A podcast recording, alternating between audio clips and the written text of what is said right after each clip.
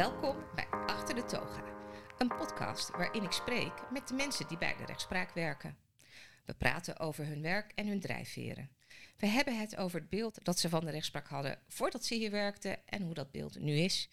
Ik ben Unjini Ferrari.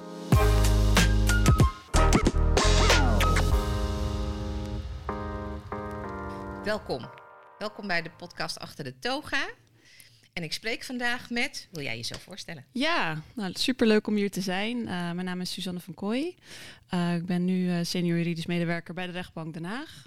En binnenkort 1 oktober start ik als Rio bij de rechtbank Zeeland-West-Brabant. Oeh, wat gaaf. Ja, het is nu eigenlijk al een jaar geleden dat ik me heb aangemeld voor nou, heel de procedure. Het was eigenlijk voor de ronde van 1 april jongsleden. Uh, toen was ik het net niet geworden. Althans, ik zat nog met één andere kandidaat uh, in de race. En die hadden ze toen gekozen. Toen zeiden ze eigenlijk uh, van ja, we hebben, ja, jullie zijn eigenlijk even goed. Maar we hebben toch voor die andere kandidaat gekozen. Omdat eh, hij of zij dichterbij woont. Toen dacht ik, shit. Het gaat toch niet helemaal stuk. Een beetje tien weken yeah. in de race gezeten. En dan loopt het stuk op woonplaats. Ja. Um, dus toen dacht ik van, ja, kan ik dan niet beginnen een half jaar later, 1 oktober? Mm -hmm. Toen kon dat dus niet. Nou, toen belden ze me weken later ineens terug dat het toch wel kon. Dus toen had ik uh, ineens toch een plek. Gelukkig zeg. Uh, dat is al bijna een jaar geleden. Maar ik was heel blij dat ik in ieder geval een plek had. En dat ik niet uh, ja, verder moest solliciteren. Nee. Goh. Dus nu is het bijna zover. Heel leuk. Ja. Heel leuk. Kwam je um, bij de rechtspraak werken met ook in gedachten dat je misschien rechter zou willen worden? Want je bent nu senior juridisch medewerker. Klopt. En eigenlijk pas, uh, nou niet zo lang, het is sinds vorig jaar. Ik heb hiervoor ook eigenlijk heel iets anders gedaan. En uh, na 2013 tot 2015 heb ik eerder bij de rechtbank gewerkt. Rechterschap zat altijd in mijn achterhoofd, maar ja, ook iets van, dat is iets voor als ik ouder ben of zo, ben ik daar wel klaar voor. Hoe oud ben je nu? Ik ben nu 33. Maar ik zag toch altijd wel voor me dat het misschien was als ik, uh, ja, ik veel eind 40 of zo, of als je nog wat steviger in je schoenen stond. Maar vorig jaar dacht ik van ja, waarom ook eigenlijk niet? Dus zeker nee. nu, uh, het, die selectieprocedure is natuurlijk opgedeeld uh, in twee categorieën. En toen dacht ik ja, laat ik gewoon meedoen voor de lange Rio-opleiding.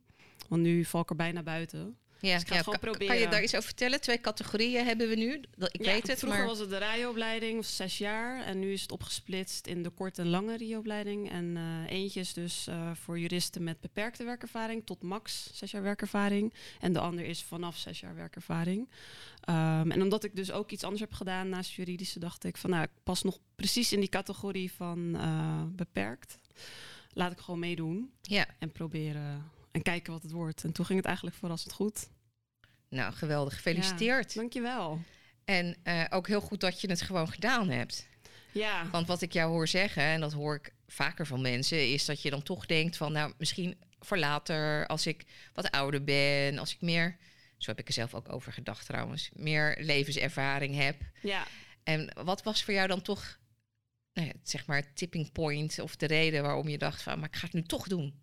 Ja, ook omdat ik dus iets anders heb gedaan. Hiervoor heb ik een uh, aantal jaar PR-marketing gedaan. Echt iets heel anders. En uh, zo parallel aan mijn ja, juridische carrière destijds had ik ook heel veel interesse in muziek en kunst. En toen dacht ik, ja, ik wil het toch eigenlijk ook ontdekken. Dus toen ben ik als PR-manager aan de slag gegaan in die kunst- uh, en entertainment-industrie. Maar toen merkte ik toch van soms moeten passies misschien passies blijven en wil ik gewoon die dingen kunnen bezoeken als gast of als bezoeker.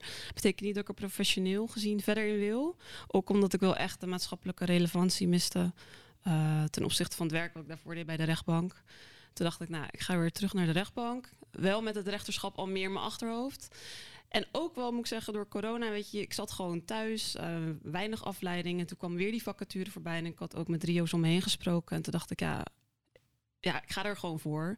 Dit is gewoon het moment. En ik kan altijd wel bang zijn van, oh ja, is dit het wel voor me? Of ben ik er wel klaar voor? Of een beetje, misschien leiden vrouwen daar sowieso een beetje zo'n imposter syndroom van, oké, okay, weet je, ben ik wel goed genoeg? Val ik niet Ja. door de mand? Ja, hebben vrouwen vaker last van, hoor ik inderdaad. Ja, precies. En ik dacht, ja, ik wil mezelf daar niet meer in belemmeren. Ik ga het gewoon proberen. Wordt het hem niet, wordt hem niet. En dan probeer ik het over een paar jaar nog een keer. En je bent het gewoon geworden. Ja, uiteindelijk wel. ja. Wat Dus, vond je eh, het leukste van de selectieprocedure? Nou, leuk. Eh, vooral heel Vond je niks leuk? Mag nee, ook. Ja, dus ik, ik vond eh, de gesprekken op zichzelf, daar, daar zag ik eigenlijk het meest tegenop. Vooral de eindgesprekken is dan met eh, van de landelijke selectiecommissie heb je drie koppels. Die gaan helemaal inzoomen op allerlei onderwerpen. Ehm, ja, ik hoorde van andere JO's dat dat best wel pittig kan zijn. Maar eigenlijk heb ik die gesprekken als prettig ervaren. En ook wel heel divers. Wel leuke discussies. Wie, wie zitten er dan in die selectiecommissie? Je hebt dan drie keer een selectiecommissie van twee personen, begreep ik dat goed? Eh, ja, het is echt van de landelijke selectiecommissie eh, Rio-opleiding. Nou, daar kan iedereen zich voor aanmelden, juristen. Ook niet-juristen zitten erbij. Eh, er zitten advocaten in, rechters ook. Maar ook mensen uit het bedrijfsleven. Dus eigenlijk een heel ja, een goede afspiegeling van de maatschappij... die dan dus wel ja, over jou beslissen of dat je geschikt bent. Ehm, En wat vragen ze je in zo'n... ja, ze gaan heel erg inzoomen op die competenties. Want je moet natuurlijk aan een aantal competenties eh, voldoen eh, eh, als rechteropleiding. Ehm, en over, Kan je een voorbeeld noemen van een competentie en welke vraag daarbij kwam? Ja, of dat je maatschappelijk betrokken bent. Een van de dingen. En dan vragen ze wat je hebt gedaan, ook buiten. Weet je, je kan natuurlijk een glansrijke carrière hebben gehad, maar wie ben je verder als persoon en hoe sta je in de maatschappij? Wat voor dingen doe je ook buiten je werk? Dus daar zoomen ze heel erg op in. Ehm, ja, ben je stressbestendig? Kan je goed knopen doorhakken? En wanneer ben je stressbestendig? Ja, dat is, toch, eh, dat is natuurlijk voor iedereen anders, denk ik. Maar ik, ik denk wel, ehm, eh, als je concrete voorbeeld, voor- voorbeelden kunt noemen uit je werkende leven. Dus ik, eh, noemde toen wel het voorbeeld van die PR-manager. Als je met, ik had met zoveel verschillende, veel eisende cliënten te maken die allemaal wat van je willen. Deadlines. Ja, dan is het wel de kunst om je niet gek te laten maken. En ik denk dat dat straks ook geldt als je gewoon met een torenhoge caseload zit. Eh, met termijnen en zo. Dus eh, ja, het is goed om dan voorbeelden uit te, aan te dragen uit je werkende leven. En het heel concreet en specifiek te maken. Ja, en het viel je dus mee uiteindelijk, de gesprekken. Uiteindelijk wel. met die Ik had wel echt selectiecommissies. dat ze echt het vuur eh, aan mijn schenen gingen leggen. Maar dat viel nog wel, viel nog wel redelijk mee. Nou, hartstikke fijn. En nu ga je dus in oktober beginnen. En eh, je was dus al eerder werkzaam geweest eh, bij de rechtspraak. Ja, Eh, Wanneer was dat? De eerste keer? Ja, dat was eigenlijk bijna net na mijn studie van 2013 tot 2015. Heb ik hier ook in uh, Den Haag gewerkt bij de rechtbank. Oké. En Ja. ook als juridisch medewerker toen? Ja. Toen ja, als startend juridisch medewerker eigenlijk. Ja. En had je toen al een beeld van hoe het zou zijn om te werken bij de rechtspraak? Kan je dat nog terughalen uit die tijd?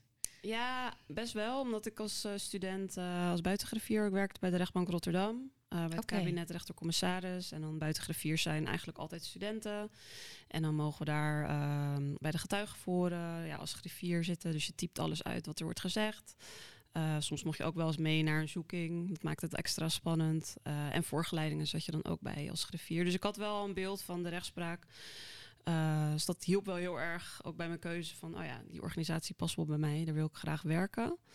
Eh, maar ja, nu, want ik zit ook in de werkgroep diversiteit, eh, waarbij we ook wel veel in contact zijn met studenten. Daar hoor ik toch wel vaak het geluid van, ik heb eigenlijk geen idee van hoe een baan als juridisch medewerker, wat doe je dan bij de rechtbank? Iedereen denkt dan toch dat het ja, vooral werk is op de administratie of zo, of alleen griffier. Dat je alleen echt als griffier zeg maar, naast de rechter zit tijdens zitting, maar het omvat veel meer. Dus mensen hebben er toch niet helemaal goed beeld van. Plus dat ze denken dat eh, rechters ook gewoon vooral man zijn, ouder, wit. Nog steeds, Eh, hè? Ja, nog steeds Dat wel. denken ze, maar het is niet zo. Nee, zeker niet. Want we Volgens- hebben volgens mij inmiddels 58% vrouwelijke rechters ten opzichte van eh, de mannelijke Ja, rechters. precies. Ja. En toch is dat niet zo zichtbaar. Dus ehm, ja, dat Ja. vind ik nog steeds wel opvallend na al die jaren. En hoe word je buitengriffier? Want dat vind ik ook echt heel bijzonder. Want ik weet inmiddels, nu ik werk bij de rechtspraak, Ja, dat dat zo is. Maar eh, toen ik studeerde, wist ik dat niet. Nee, ja, het is echt via via. En dat maakt het soms ook wel lastig dat ik er nu ook zelf al voor pleit van eigenlijk moet iedereen die kans krijgen. En niet dat het alleen maar via, via moet gaan. Ehm, ik deed toen vrijwilligerswerk bij de kinder- en jongerenrechtswinkel Rotterdam. Nou, daar kwam ik weer meiden tegen die eh, ook buiten griffier waren. Die het ook weer via een ander hadden gehoord. En zo kwam ik eigenlijk eh, binnen. Maar zeker nu, eh, nu, het, nu de druk volgens mij voor studenten wat hoger is... om gewoon sneller af te studeren, het wordt allemaal duurder merk ik ook dat studenten minder snel nevenactiviteiten naast de studie doen. Dus daarmee kom je ook automatisch minder in contact met andere mensen. Weet je misschien niet waar je moet zijn. Eh, dus zijn die dingen toch ja, minder bereikbaar. ja. Weet jij nog wat er aan je gevraagd werd toen je opging voor de functie van buitengriffier? Dat is natuurlijk heel lang geleden, hè? maar ik ben toch eigenlijk wel benieuwd. Ehm, ja, je moet wel volgens mij bijna klaar zijn met je bachelor. Of dat moet wel in zicht zijn. Volgens mij wel derdejaarsstudenten. Was ik toen ook, tweede of derdejaars. Dus in ieder geval wel propenduizen, dat moet sowieso. Ja, ja. Ja. Ja. Dus dat vooral. En je moet heel snel kunnen typen. Dus ik moest zo'n typtest doen. Moet je, ja, dan schrijf je alles goed op, eh, snel. Ja. Eh, dus dat, dat waren eigenlijk de voornamelijk eh, de eisen. Oké. Dus dat valt op zich best, best mee. Ik denk dat heel veel studenten dat gewoon prima kunnen doen. ja, dat denk ik ook. Ja. Maar dat is dus een, een mooie manier om een kijkje te nemen binnen een rechtbank en hoe het is om te werken Ja, binnen absoluut. de rechtspraak. Ja. En nu, ik weet niet hoe het nu zit. Bij, ja, het verschilt volgens mij ook per rechtbank. Eh, maar ik zou er wel voor pleiten om gewoon die vacature wat meer bekender te maken. En dat gewoon open te stellen of zo. Ook via werken bij rechtspraak.nl. Dan heeft iedereen gewoon een gelijke kans om daarop te reageren. En dat het gewoon meer in het zicht is van iedereen. ja, vind ik een heel goed idee. Dus die geven we alvast mee aan iedereen Ja. die nu luistert en bij de rechtspraak werkt en daar invloed op heeft. Top.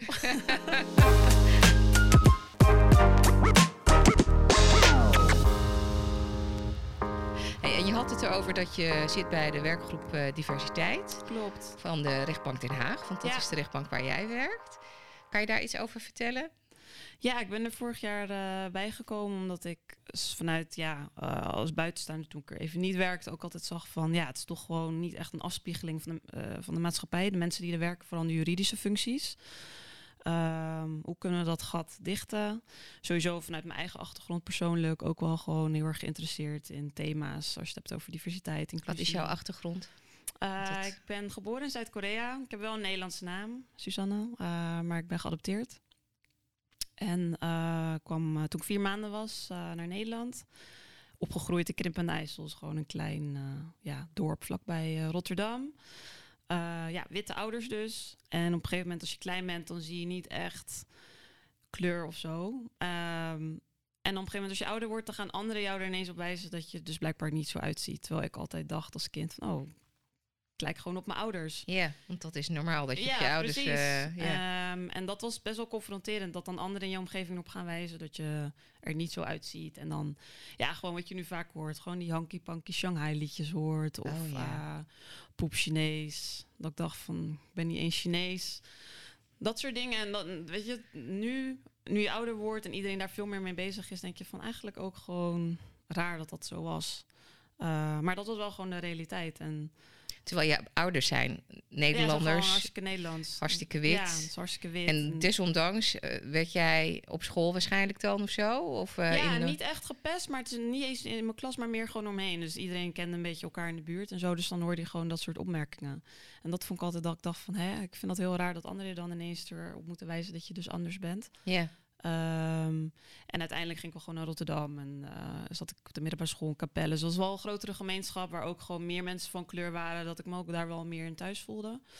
Eh, maar ja, adoptie is gewoon wel complex en eh, we staan er redelijk nuchter in, maar toch is altijd wel een beetje een worsteling van ja, wie ben je en stukje i- van mijn identiteit is ook Koreaans. Dus ik heb ook een half jaar gewoond. En dat was ook wel ergens een beetje thuiskomen of zo. Dat je in ieder geval in een stad rondloopt waar iedereen ineens op je lijkt. ja, Ehm, ja, dat was ook wel prettig of zo. ja.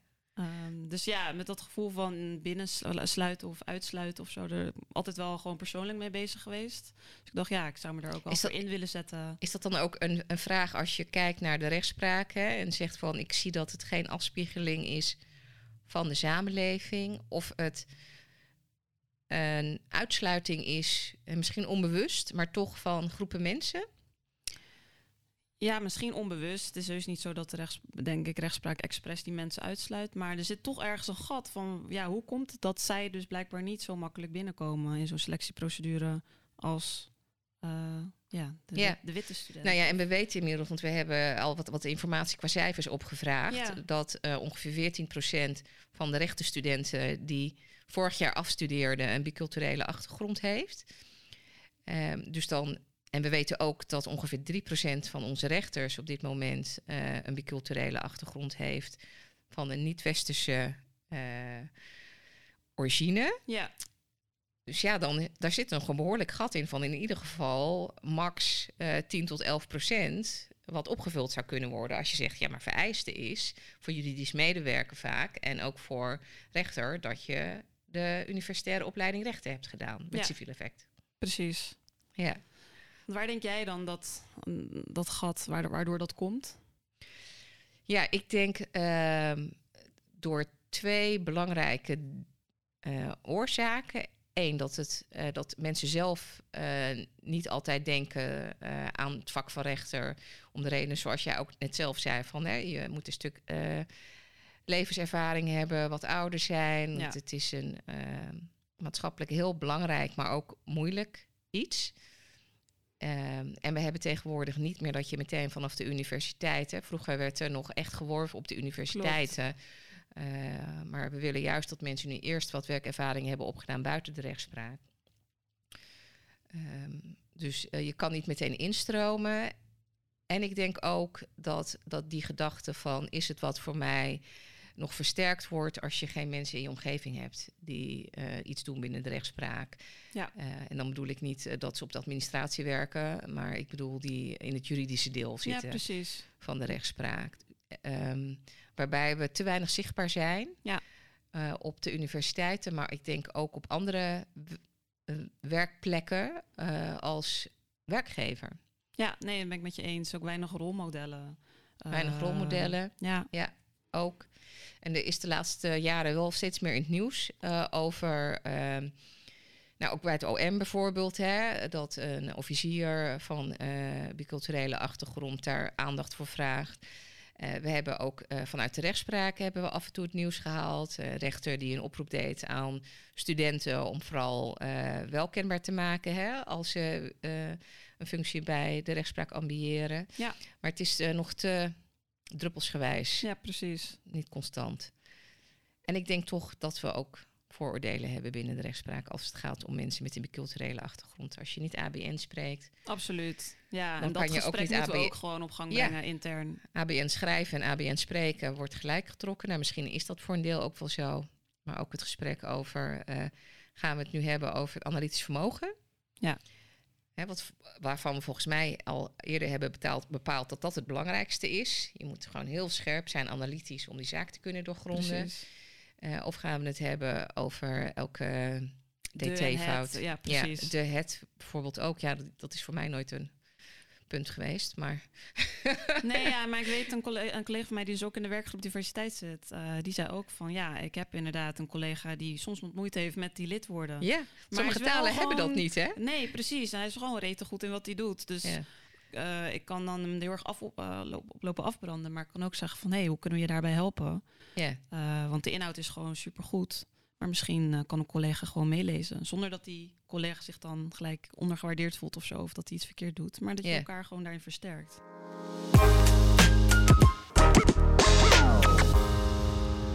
We hebben er al best veel besproken over het werk. Maar ik ben ook wel benieuwd naar ja, wie jij verder bent als mens. Ja.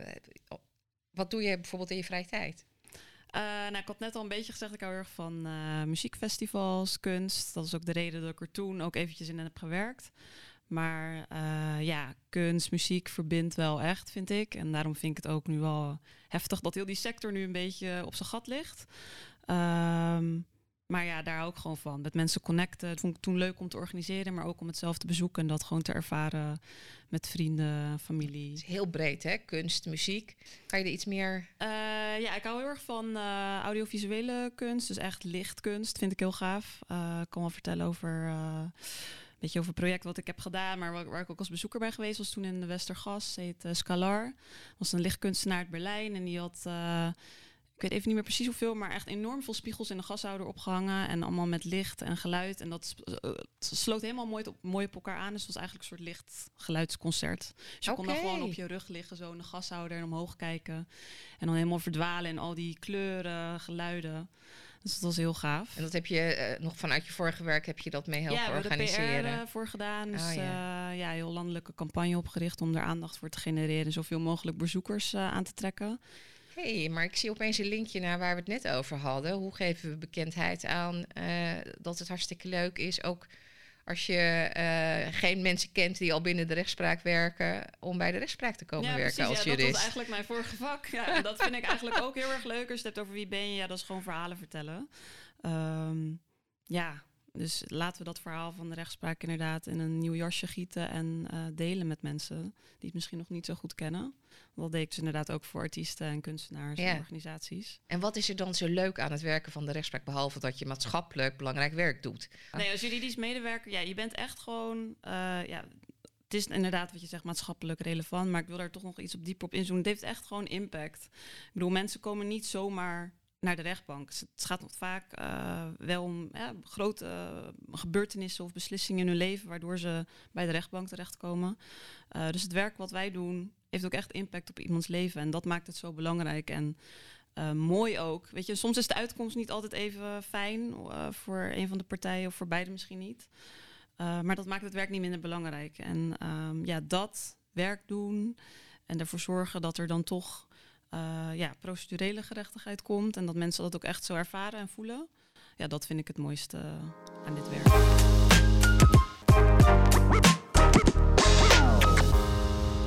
Welk rechtsgebied werk jij? Ik werk nu in, het bestuursrecht. Dus dat is natuurlijk uh, de geschillen tussen overheid en burger. Ik zit zelf heel erg in het sociale domein. Dus je hebt over vreemdelingenrecht, uh, bijstand en zorg. Dus ik heb met veel mensen te maken, partijen die soms wel aan de onderkant misschien van de samenleving uh, staan. Maar het zijn wel heftige dingen die heel veel impact hebben op mensen. En je wil daar wel gewoon uh, zorgvuldig mee omgaan. En dat er toch ja, een uitkomst komt die misschien niet even positief is voor iemand, maar die wel toch een bepaald soort begrip of zo kweekt. Dat zegt ook iets over jouw persoonlijkheid. Hè, dat je het belangrijk vindt om op daar iets aan bij te willen dragen. Ja, absoluut. Dat mensen zich wel echt uh, gehoord en gezien voelen. Juist ook dus voor die partijen, hè, als je het hebt over bestuursrecht. Uh, sommige mensen hebben niet eens uh, een advocaat. maar dat het ook voor hen dus heel duidelijk is van wat er gebeurt. En yeah. ondanks dat ze misschien heel veel geld moeten terugbetalen, die ze te veel aan bijstand hebben ontvangen, Um, ja, dat ze dat dan toch begrijpen waarom dat zo is. En dat ze in ieder geval hun verhaal kunnen doen. En dat ze daadwerkelijk worden gehoord en gezien. En denk je dat het dan helpt dat ze zien, je hebt een Aziatisch uiterlijk, dat er iemand zit met een, uh, met een niet-Nederlands uiterlijk? Stel dat ze zelf Aziatisch zijn of van andere origine? Um, ja, ik denk dat dat zeker wel helpt. Gewoon misschien niet, weet je, dat ze er heel bewust mee bezig zijn. Maar ik denk dat het wel opvalt of zo. Uh, en dat ze dat ergens dan toch misschien onbewust opslaan. En dat ze denken, een soort van herkenningspunt misschien. Ja. Ik zou het zelf andersom denk ik ook hebben. Um, ja, toch ook als ik ergens anders ben en ik zie wel... Weet je, we hadden het net heel even over rolmodellen. Toen ik opgroeide was iedereen gewoon wit. En Korea en Azië was nog helemaal niet zo hip als nu. En nu ineens heb je al die Koreaanse popbands. Is Azië echt hot Mijn en dochter happening. ook fan van Ja, K-pop. K-pop, ja, precies.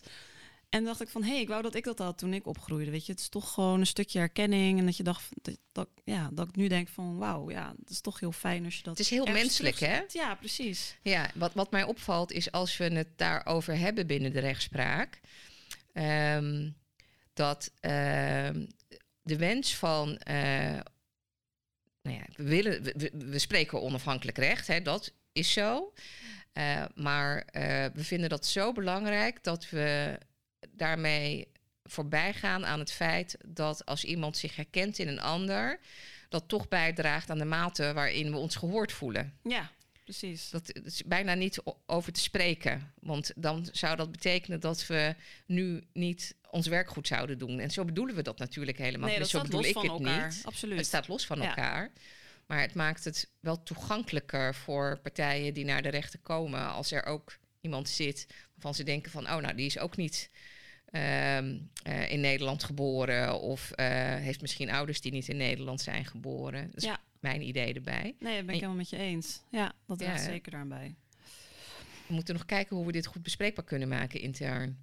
Ja, dat is volgens mij het lastigste, het eh, interne gesprek op gang brengen. Ehm, ja, ik weet het. Ik, heb er ook niet echt een beeld bij hoe collega's daar verder in staan. Ik bedoel, wij met de werkgroep zijn heel actief. Maar soms merk ik ook wel een, eh, ja, weet je, zo'n tendens bij collega's van, oh ja, moeten we het daar nou weer over hebben? Of eh, we doen toch al genoeg? Ja, ik hoor het ook bij collega's met een biculturele achtergrond. Die misschien niet zozeer moeten we het er weer over hebben. Maar de angst dat ehm, het feit dat je aandacht hebt voor het onderwerp. Ehm, eh, en positieve discriminatie, die in het verleden heel belangrijk is geweest om achterstandsgroepen eh, op te nemen Ja. in, eh, in de maatschappij. ertoe gaat leiden dat mensen worden aangenomen voor hun achtergrond en niet voor hun kwaliteiten. Dat ja, valt mij ook op. Dat en snap ik wel. Dat moet niet stigmatiserend werken. Het moet niet stigmatiserend werken, inderdaad. Klopt. En daar denk ik dat ook dat stukje inclusie bij komt kijken. Ik bedoel, ja, je kan inderdaad gekleurde poppetjes overal hebben, maar in hoeverre, de vraag is dan, in hoeverre doen ze daadwerkelijk mee? En hebben ze ook echt uh, ja, een stem aan de tafel en mogen ze iets zeggen? Positieve discriminatie is niet nodig op het moment dat we in staat zijn om echt inclusief uh, Precies. ja, mensen aan te nemen op een inclusieve manier. Dus door die buitenkant en door onze vooroordelen heen de kwaliteiten te kunnen zien van iemand anders. Maar dat vinden we heel moeilijk. Ja, ja heel, uh, heel gek. Ja, we hebben het uh, um, over uh, diversiteit, we hebben het over inclusie. Um. Nee, ja, het is wel. Ik moet eerlijk zeggen, toen ik in de PR-marketingwereld werkte, heel ander soort werkveld, heel ander soort mensen. Als je het hebt over diversiteit en inclusie, ongeveer alles loopt daar rond. Zijn allemaal wel, ehm, net als ik zelf ook wel, gewoon heel erg extravert. Houden een beetje van dezelfde dingen. Maar eigenlijk is dat ook weer een hele homogene groep op in bepaalde vlakken. Weet je, iedereen is wel weer heel erg. In hun diversiteit zijn ze weer heel ja, homogeen. Precies, gewoon allemaal uh, heel erg, uh, vooral in Amsterdam. Eigenlijk is iedereen hetzelfde. Iedereen doet net zoals ze heel uniek zijn. Het zijn allemaal unieke clichés. Ja, ja, ja, ja. ja, Iedereen is hetzelfde, gaat naar dezelfde plekken, drinkt dezelfde drankjes. Oh, ik vind wel dat de gemiddelde juridische medewerkers toch wel een beetje hetzelfde soort type. Oei. Ook een homogene groep, ja, Gewoon wel, dus inderdaad, uh, ja, gewoon Nederlandse komaf. En gewoon meer, uh, ja, rustigere types. Die houden ervan om in dossiers te duiken. Rustig en volgzaam. Ja, nou, nou, ik vond dat dus wel grappig. Want in die een van die gesprekken, dus met de LSR, toen zei dus een van die rechters, en ze probeerde altijd een beetje te prikken van uh, ja, je bent juridisch medewerker geweest. En eigenlijk ja, vind ik die types toch allemaal best wel, uh, ja, hoe moet ik het zeggen? Dienstbaar of yeah. volgzaam. Yeah. Hoe zie jij jezelf? Toen dacht ik, ja, dat ben ik dus niet. En daarom wil ik wel deze stap nemen. Omdat ik natuurlijk zelf de beslissingen kunnen maken is fijn, maar ook gewoon ja, wat meer. Juist niet dat dienstbare en volgzame willen hebben. Dus dat is misschien ook wel uh, een eigenschap die je dan. Ja, ja, ja. Als Rio, maar het valt me wel op dat heel veel dus zo zijn. Dus misschien is dat iets ja, ja, Ik weet niet of dat je daar echt op kan selecteren, maar... Zeker kan je daarop selecteren. Ja. nou ja, wat, waar, waar, we het al over hadden. Hè? Je selecteert uh, vaak mensen die uh, ja, op jou lijken. Uh, omdat je op, eh, op je ja, instincten toch voor een groot gedeelte selecteert. Dus als daar al veel mensen werken die rustig zijn en volgzaam zijn ja, dan is de kans dat je iemand selecteert die heel anders is, is gewoon veel kleiner. Maar jij bent er doorheen gekomen. Hoe ja. zit dat dan? Ja, ik ben dus niet zo. En misschien juist ook omdat ik iets anders heb gedaan en meer heb gezien. Uh, dat heeft denk ik wel geholpen, want ze vonden dat juist ook wel leuk. Dus ik snap dat die eis van hè, twee jaar uh, buiten de rechtspraak ook werken is ook voor veel mensen lastig, dat snap ik.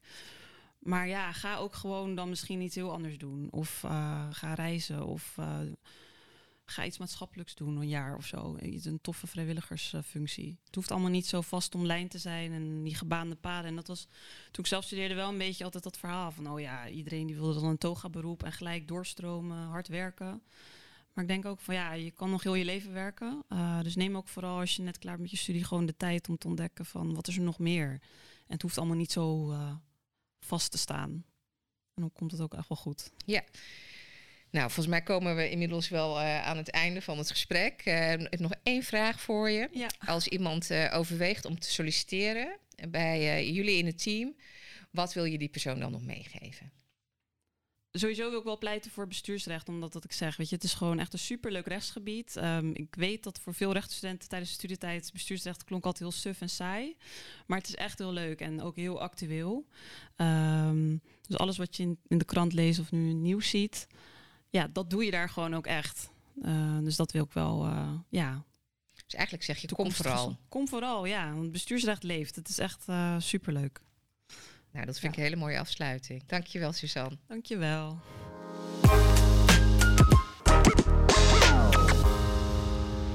Voor wie interesse heeft gekregen, meer informatie over werken bij de rechtspraak vind je op de website werkenbijderechtspraak.nl. Want de rechtspraak werkt voor iedereen.